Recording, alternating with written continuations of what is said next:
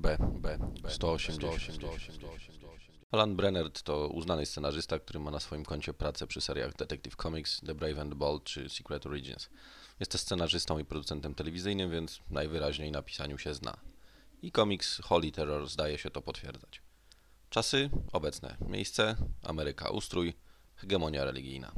Witajcie w świecie, gdzie prawem jest słowo Boże, a wszelkiej maści odszczepieńcy, którzy posiadają szatańskie moce, takie jak latanie, szybkie bieganie czy inne nieboskie umiejętności, są poddawani sądowi i eksperymentom przez współczesną inkwizycję.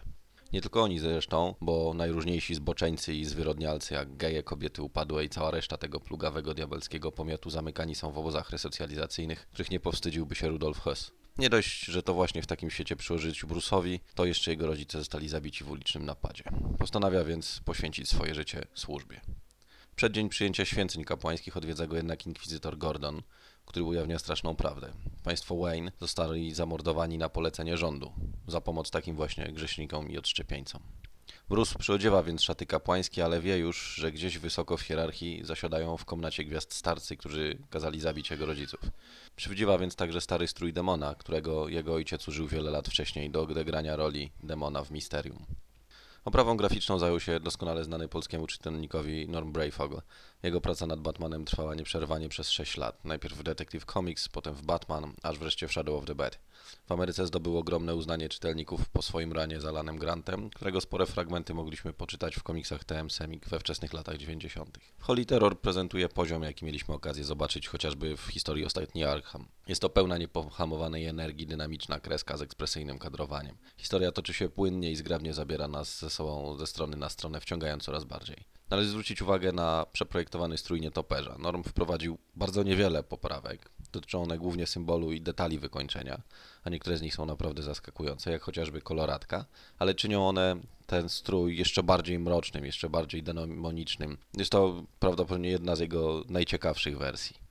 Kolory położył uznany fachowiec tej branży, Lovern Kindzierski, polskiemu czytelnikowi znany chociażby z komiksów Lobo czy Miecza Zraela.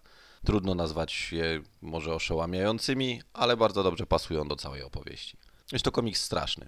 Przeraża głównie dlatego, że wizja ta jest bardzo realistyczna i niestety bardzo prawdopodobna. Brenner dotyka tutaj, zasłaniając się superbohaterskim sztafarzem, głębszego problemu korupcji, degeneracji instytucji państwa, strachu przed wszystkim, co odmienne i dążenia do wytępienia każdego, kto nie przystaje do wzorca. To jest bardzo demoniczny i mocno przerysowany obraz współczesnych religii, ale niestety nie jest nieprawdziwy ale jeżeli kogoś nie interesują głębsze treści przemycane pod peleryną, to na pewno zainteresuje Was spotkanie z pewną kuloodporną ofiarą eksperymentów, którą bogobojni farmerzy z Kansas oddali kościołowi, gdy sam szatan zesłał tego chłopca prosto z nieba na ich pole. A w tajnym ośrodku badawczym jest zresztą takich znajomych postaci dużo, dużo więcej. No i przy okazji należy napomknąć o jednym z najbardziej poronionych projektów Franka Millera, często mylonym z tym albumem ze względu na tytuł Holy Terror Batman. Nieoficjalnie nazywa się go Batman vs. Osama i to mówi już wszystko. Pozdrawiam. Godaj.